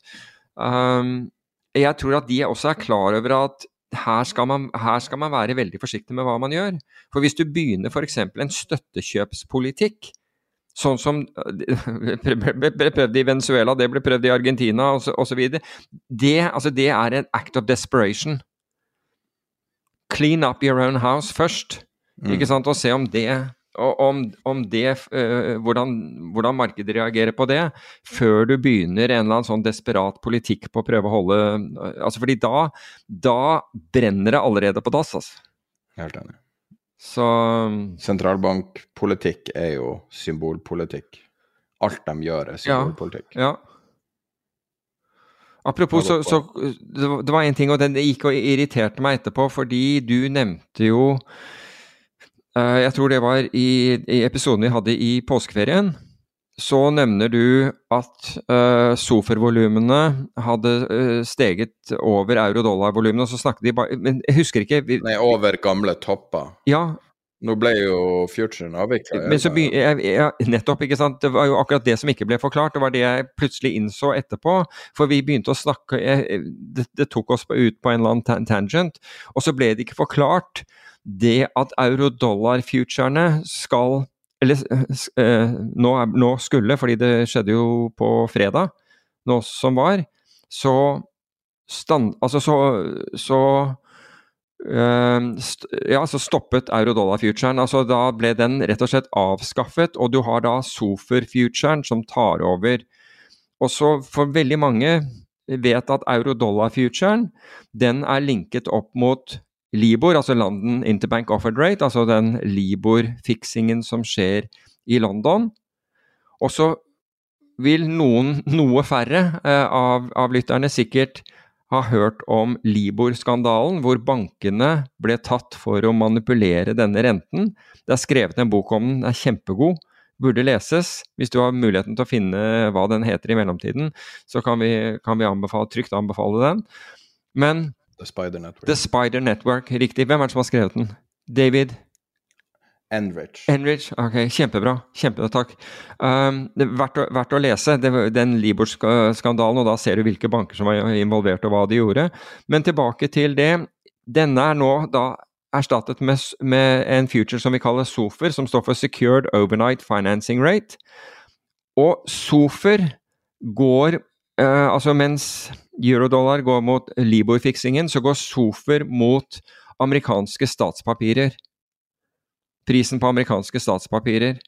Så da har du tatt bort den der eh, muligheten for å drive Eller i hvert fall Alt kan manipuleres, men i hvert fall Altså hver dag så er det øh, øh, sentralbanken i USA, altså, øh, eller New York-avdelingen av den amerikanske sentralbank, det vi kaller New York Fed, de publiserer um, uh, sofer, um, sofer, dagens soferrente på, på, sin, um, på, på sin webside. Så nå er det da sentralbanken som, som, øh, som, setter denne, om du vil, fiksingen, eller altså viser Ja, det blir en form for, for fiksing, istedenfor at det er bankene som da viste seg at klarte å, å manipulere renten avhengig av rett og slett i forhold til den posisjonen som banken har, om den var långiver eller låntaker den, dag, den dagen. Og det var flere Fra utsida så er det et spørsmål å stille seg jo Er eurodollar og sofa akkurat det samme, altså i fyrselsmarkedet? Nei, er... Jeg er ikke helt sikker på at det er ikke helt det samme. Nei, det er ikke helt det samme. Det er jo Nei. Fordi den ene går jo mot treasury-kurve, ikke sant? Så, så, det er ikke helt det samme. Og eurodollar er, er jo da dollar kreert utenfor USA. Så det er ikke ja, helt det samme. At, uh, at det her er faktisk en annen dynamikk, og jeg vet ikke om Altså, jeg vet ikke om det her vil ha noe påvirkning på noe som helst, men markedet er nå ganske fikkel, og det her er jo veldig store markeder også. Veldig. Så... Altså, jeg tror euro-dollar-markedet var vel verdens største, tror jeg. Uh, I hvert fall i en periode. Ja. Så... Det var jo veldig stort på 80- og 90-tallet. Ja. Uh, så men, men, nå fikk vi i hvert fall uh, den, den, var på listen min over, over, ting som vi hadde snakket om, men som jeg, ikke, som jeg følte at vi ikke hadde fullført. Så, så, den er den. Så nå er det gjort, for å si det på den måten. Sånne sammenligninger er så platt, men det er noe artig uansett. Ja. Netflix, når det var en ny tjeneste, eh, da var det jo sånn DVD i posten opprinnelig. Det tok dem tre og et halvt år å få én million brukere. Det tok OpenAI fem dager. Det er insane. Det er helt insane. Jeg vet at det er sånn teite sammenligninger, men, men det er Det er ganske spesielt, altså. Hvor mye verden faktisk har blitt forandra av det her. Ja. Vi hadde jo en egen episode, en ekstraepisode, bare for å ramse opp alt mulig nytt som har kommet helt i det siste. Eh, og det er litt sånn det, Men det, det er så tricky, det her. For at på en Altså, hvis du er nerd, eksempel, så vil du hylle det fordi at det er liksom så new and shiny, og Men det er jo også, som menneske, så, så sliter du litt med å bli erstatta. så det er definitivt en eh, tvega, et tvega sverd der. Ja, da, jeg, jeg ser den. For øvrig, apropos på nye ting. Uh, nå er det ikke sikkert at dette blir, i og med at uh, markedet har i hvert fall snudd litt ned, nedover nå mens, mens vi har snakket. Men da vi begynte i, da, i dag, så var indeksen over de 50 største selskapene i Europa. Den var i ferd med å ikke bare gå over det høyeste nivået den hadde i 2022, men 2007. Så Og det, og det, det er viss, viss perspektiv i det. Så ja, Eurostox 50. Så hvis du hadde, hvis du hadde investert Tenk deg det. Altså Vi snakker om indeksinvesteringer og sånn, men hadde du investert i, i 2007, altså før finanskrisen, et år før, hadde du da investert i de 50 største, eh, en indeks bestående av de 50 største selskapene i Europa, Eh, Er det ikke nøyaktig det oljefondet gjør? Nei, de går de, de bare 50 aksjer i Europa? Nei, ikke i det hele tatt. De tar Nei, men altså, de eier 2% av alle store ja, ja, ja. selskaper. Men, men dette er de 50 er jo, jo, men tenk deg, dette er de 50 største aksjene i Europa.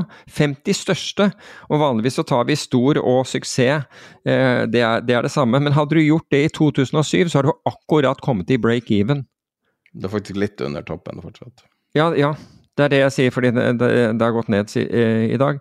Men altså, tenk så, så tenk deg det. Altså, det har da det, har da tatt 16 år, vet når, når folk sier det er bare å sitte med aksjer eh? I dette tilfellet så har det tatt deg 16 år å få tilbake pengene, men da med vesentlig lavere kjøpekraft, dessverre, pga. inflasjon, som du hadde i 2007. Det er jo ingenting mot Christiania Krakes stokk 90. Nei, det er ingen nei, det, nei, jeg er enig i det, men du hører jo hele tiden altså det, det sies jo hele tiden nei, det er bare å sitte på aksjer. Det er, ikke sant? Det kommer alltid opp igjen. og Det, det var en bankfyr, jeg, eller en tidligere bankfyr, som sa at ja, når kundene skyldte, så var det bare å sitte på aksjene, for det kommer jo alltid opp igjen. Altså Se hvordan markedene har forandret seg. og Dette, dette var en som, som satt i bank i, i, på, på slutten av, av 90-tallet og trodde at sånn var det fortsatt. Og så ser du antall aksjer på Oslo Børs som er ned mer enn 95 fra toppen sin. Da, altså jeg sier ikke at det er, det er, det er ikke selvfølgelig stor prosent av Oslo Børs, men det er en betydelig eh, del som, er, eh, som faktisk er ned. Så um, i hvert fall Euronex Growth, det var en annen her i, i forrige uke hvor jeg så det var 99,6 ned eller noe sånt noe. Um, Flyr. Uh, ja, det var kanskje det. Det var kanskje det. Uh, men, uh, men, vi driver og snakker om det om som det er en ren selvfølge at at, man, man, at det, er bare, det er bare å sitte i noe, det bare å sitte i noen dager, så er du, så er du home free. Det er ikke sånn. Hva du tror kommer til å, hvordan tror du året kommer til å utspille seg? Jeg vet ikke. Altså, jeg Skal jeg gjette? Jeg, du har vært med på mange markeder. Ja. Du har kjent mange markeder på du, du er ikke ekstremistisk i måten å uttrykke deg på. Gun to your head. Altså, gun to, gun to my, my head, så, så tror jeg at det vi ser nå, er, er en korreksjon oppover innenfor, innenfor, en, innenfor en nedgang som, som vil, vil fortsette. Sammenligna med hvordan type år? 2001? Vet ikke. Jeg vet ikke. Det, det, det blir liksom Men altså det, jeg, jeg, kan ombestemme meg i morgen, ikke det at jeg tror jeg gjør det, men du kan si at jeg syns de, altså det makroøkonomiske her vi, vi, var inne på dette med, med eh, sånn Hva var det du kalte det? Kreditt Du hadde en eller annen hva var det Mike Wilson sa? Uh, kri, kri, krise, ikke sant? Altså, jeg ser jo altså makromessig sett, inflasjonsmessig sett, kredittmessig, refinansieringer som skal gjøres. Det er, det, det, det, er mye, det er, mye, tungt som må, som må snus for at ting skal, skal være bra. Så alt annet like, så Men Ja, det er mye verdsettelser som skal forsvares fremover. Mye verdsettelser som, som skal forsvares, og jeg, og jeg tenker, Men igjen så har, har, det med å ha en diversifisert portefølje Har du en diversifisert portefølje, du har aksjer i den der porteføljen, og du har andre ting i den porteføljen som diversifiserer, så er det ikke sånn at at jeg, jeg, ville liksom tatt ut aksjedelen, fordi diversifisering er den eneste gratis lunsjen du finner i finans. Så enkelt er det. Og hvis du har gjort det, det riktig, så kan du tjene penger også i dårlige år, som f.eks. 2022 var. Men eh, så men, men, jeg har ikke noe stor conviction, fordi jeg På den ene siden så har jeg, så har jeg disse jeg håper å si, de, de tingene som jeg, jeg ser som svært utfordrende for, uh, for, for, verden å komme igjennom av, av, av, økonomisk art. Og så er det en mengde ting som kan gå galt der. Um, jeg, jeg, ser Ikke sant, jeg ser Til tross for uh, å ha et dystert syn på Uh, altså, jeg har ikke veldig dystert syn, men alt annet like så, så, så, tror jeg at vi er i en oppadgående korreksjon innenfor en, en bredere nedgang. Men det betyr f.eks. ikke at ikke oljeprisen kan gå høyere. Og så sier jeg men hvordan henger det sammen med økonomisk aktivitet? Hvis økonomisk aktivitet svekker seg og vi får en resesjon, så går vel ikke oljeprisen opp? Jo, oljeprisen kan gå opp rett og slett fordi det er mangel på olje. Fordi vi, vi får ikke ut nok olje. Det er ikke nok olje i markedet. Det skal veldig liten Den balansen er allerede skjør. Og det er ikke gitt at OPEC vil snu seg og begynne å produsere voldsomt med olje bare fordi Vesten vil det. Så så, så, så derfor så jeg, Men jeg tenker Hvor mange streiker får vi i år, da? Nei, Det vet jeg ikke. Det vet jeg virkelig ikke. Men, men, men du kan si at jeg tenker ikke på det altså jeg tenker, ja, men hvis jeg skal bare holde meg til finansmarkedet, så, så, ser jeg ikke Jeg ser ikke dystert på finansmarkedene. Jeg ser, ser på finansmarkedene som, som, markeder som hele tiden presenterer muligheter. Kan være at de er på short-siden, men det behøver ikke å være det heller. Det kan være én sektor vis-à-vis -vis en annen. Um, det kan være en sektor som blir så utbombet at, at det er veldig liten risiko å ta tak i den. Det, altså, det er alltid muligheter der. Så det er ikke sånn at ok, hvis indekser og, og sånt noe faller, så er it's game over. Da, da, da, da blir det nattsvart i, i, resten av året. Ikke i det hele tatt. Jeg tenker ikke sånn. Du ser jo på verden fra et tradingperspektiv, da? Jeg ser, ja, altså jeg ser verden både fra et tradingperspektiv og fra et makroperspektiv. Altså hvordan jeg vil posisjonere meg makromessig. Det gjør jeg stort sett gjennom opsjoner, fordi det tillater meg å sove i ro.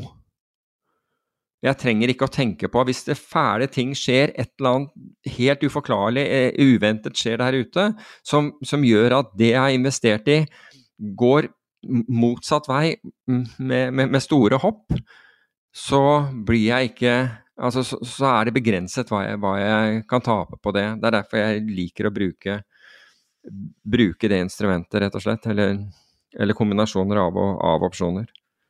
Uh, før vi starta nå, så gikk jeg gjennom alt som var det siste uka av investeringsbankanalyser.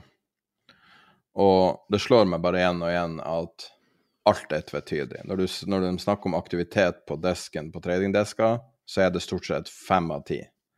Uh, når de snakker om uh, retninger, så er det veldig mange forskjellige bets som alt er rundt en eller annen variant. Ja, vi vet ikke. Um, den evinnelige fokus som har vært på sentralbanker de siste årene i nesten all research som har kommet ut fra, fra investeringsbankene, har på en måte gitt seg litt, fordi at alt er så, mye, så tvetydig og så mye, det er mye vanskeligere å skyve Powell foran seg for analytikerne, og da ovenfor sine kunder. Mm. Så når, når, når, du skal summere opp all research som har vært, så er det bare Vi vet ikke. Vi vet rett og slett ikke. Nei, og, og hvis, du en, eh, eh, hvis, du ikke har en, sterk mening, så er det kanskje ikke noe vits i å putte penger bak det heller. ikke sant? Øh, det er bedre å, å vente på gode muligheter. Og så sier de kanskje jeg ikke treffer bunn. Nei, men det, det, gjør du som regel ikke heller. Det er bare flaks de, de gangene man, man, gjør. Men hvis du ser uh, Goldman Sachs hadde førstekvartalsgjennomgang uh, av, uh, av de hedgefondene som, som, de er prime brokere for. Og det er ganske mange, det er en stor del av, av, av hedgefond. Og de så at for det første, hedgefondene var undervektet amerikanske aksjer. Den største undervekten av amerikanske aksjer som de har hatt på fem år. Um, de var long investment grade uh, uh, obligasjoner. De var short i high yield-obligasjoner, men, men, men, den short-posisjonen er, er, den laveste som har vært på, på, på, på to år. Um, og de så altså eksponeringene på uh, grosseksponeringen, altså det er short pluss long-eksponeringen, er økt. Men netteksponeringen, altså either short or long, altså netto, om de er netto long eller short, den er, den er, den er lavere. Så de gjør mye, så hedgefondet gjør mye relative eh, posisjonstagninger, altså f.eks. Eh, sektorer mot hverandre. ikke sant? Altså, de er long én sektor, short en annen. De er gjerne long flere sektorer og short flere. Men hvis du ser på i, i mars så var liksom globale, globale hedgefond de var ned 0,3 um, mens um, mens norske, altså uh, norske hedgefond, i hvert fall uh, representert med uh, Hedge Nordic, var opp 0,06 så, så faktisk var positivt. Til tross for at de andre nordiske landene, altså Sverige, Danmark og Finland, var ned mellom 1 og 2% Så det må man si er ganske bra. Det er også norske hedgefond som leder an i år, med, med, med, med, oppgang på 3,19% Hvis du ser på Eh, fra Goldman Sachs igjen, altså hvis du ser på uh, aksjehedgefond, var opp i snitt 0,3% i mars. Men det var nesten utelukkende drevet av beta.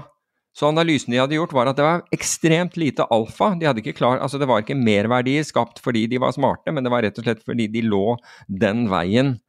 Uh, så, og, og Sånt gjør meg alltid nervøs. Liksom, hvis det er, for da har, du bare, da har du rett og slett et belånt aksjefond, og du har ikke et, et, et hedgefond.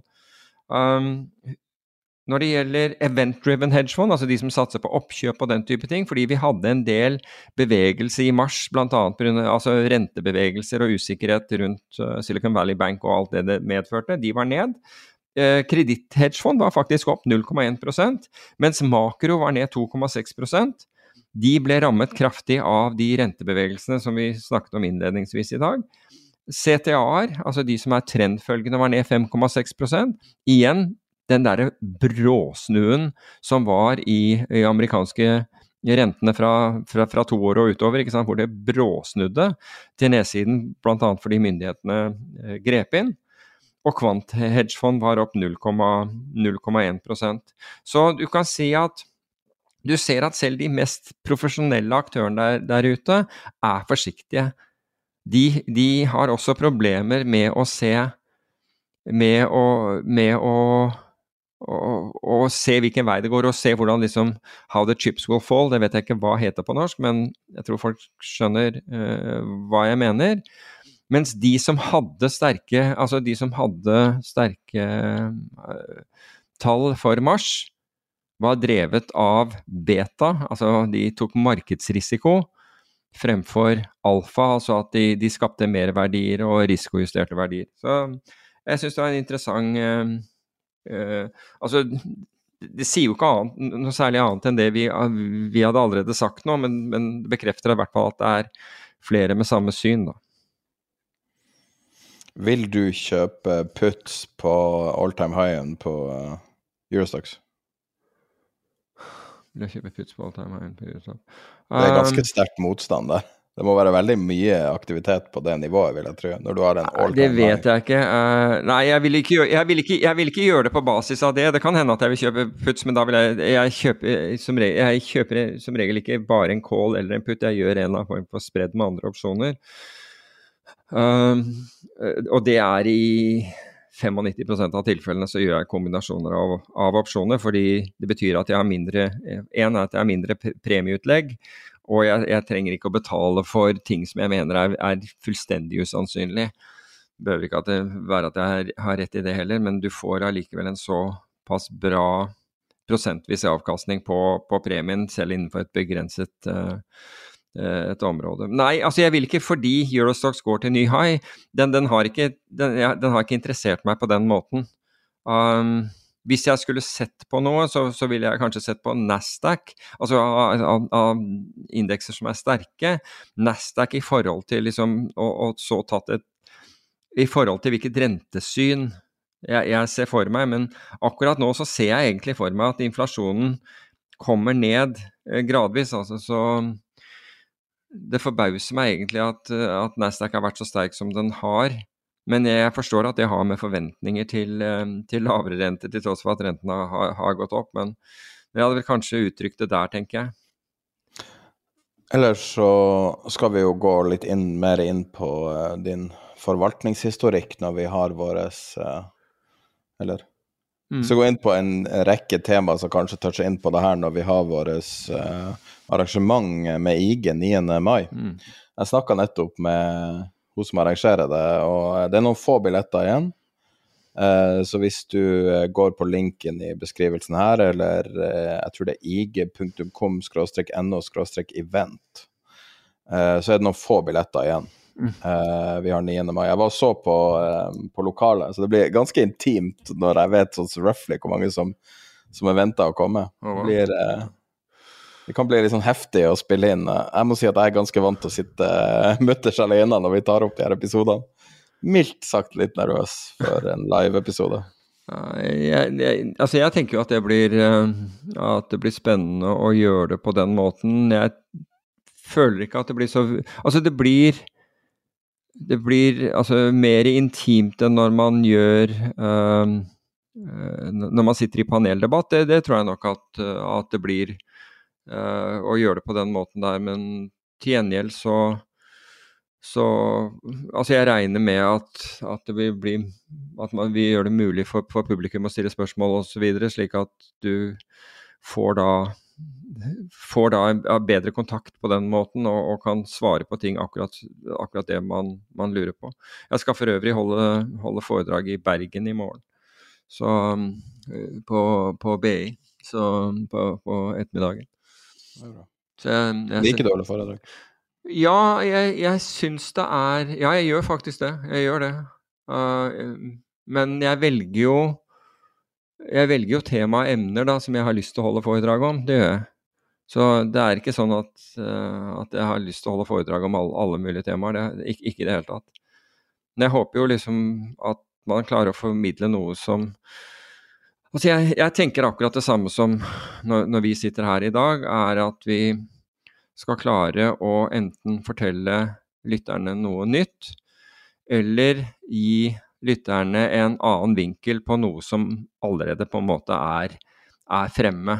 At det er et eller annet som er oversett, en eller annen vinkel som er oversett med det. Det betyr ikke at lytterne er enig, eller må være enig uh, i det, men, men, det er liksom formålet. Og det samme er det egentlig når, uh, når jeg holder foredrag, det, altså det, Jeg vil veldig gjerne at de som tar av sin tid for å høre på, skal gå derfra og tenke det der var verdt å Det der var, var virkelig verdt å være på. Så De får litt mat også, så det er jo også Det her er jo bokstavelig talt en free lunch. Hvor er det du snakker om? Nå snakker, nå snakker du om Vårt arrangement. ja, det er akkurat sånn, ja. ja. Jeg har for øvrig tenkt å ta nattoget tilbake igjen til Oslo. Uh, nå, ikke da. Nei, da rekker du ikke. Nå. Nei, nei, nei, jeg, den dagen, nei, den dagen holder jeg jo 9. mai, da holder jeg jo foredrag i Trondheim på, på, Jeg tror jeg sa feil hotell til deg. Det er SAS-hotellet ved siden av uh, Slottet. Ved siden av, ja, akkurat. Så jeg må klare å komme meg derfra. Eh, fra, fra For jeg kommer jo med flytoget, så jeg må Skal vi se. Ja da, det går, ja. det går nok fint. Det var god margin der, tror jeg. Ja, høres bra ut. Yes. Mindre det blir en eller annen streik, da. Det er jo Det kan jo bli årets ord, det. ja, vær forsiktig med hva du sier.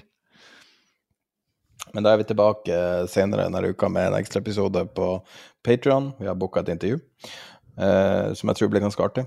Eh, og så er vi tilbake neste mandag med en vanlig episode. Ha en flott uke. Planning for your next trip? Elevate your travel style with Quince. Quince has all the jet setting essentials you'll want for your next getaway, like European linen, premium luggage options, buttery soft Italian leather bags, and so much more. And is all priced at 50 to 80% less than similar brands. Plus, Quince only works with factories that use safe and ethical manufacturing practices. Pack your bags with high-quality essentials you'll be wearing for vacations to come with Quince. Go to quince.com slash pack for free shipping and 365-day returns.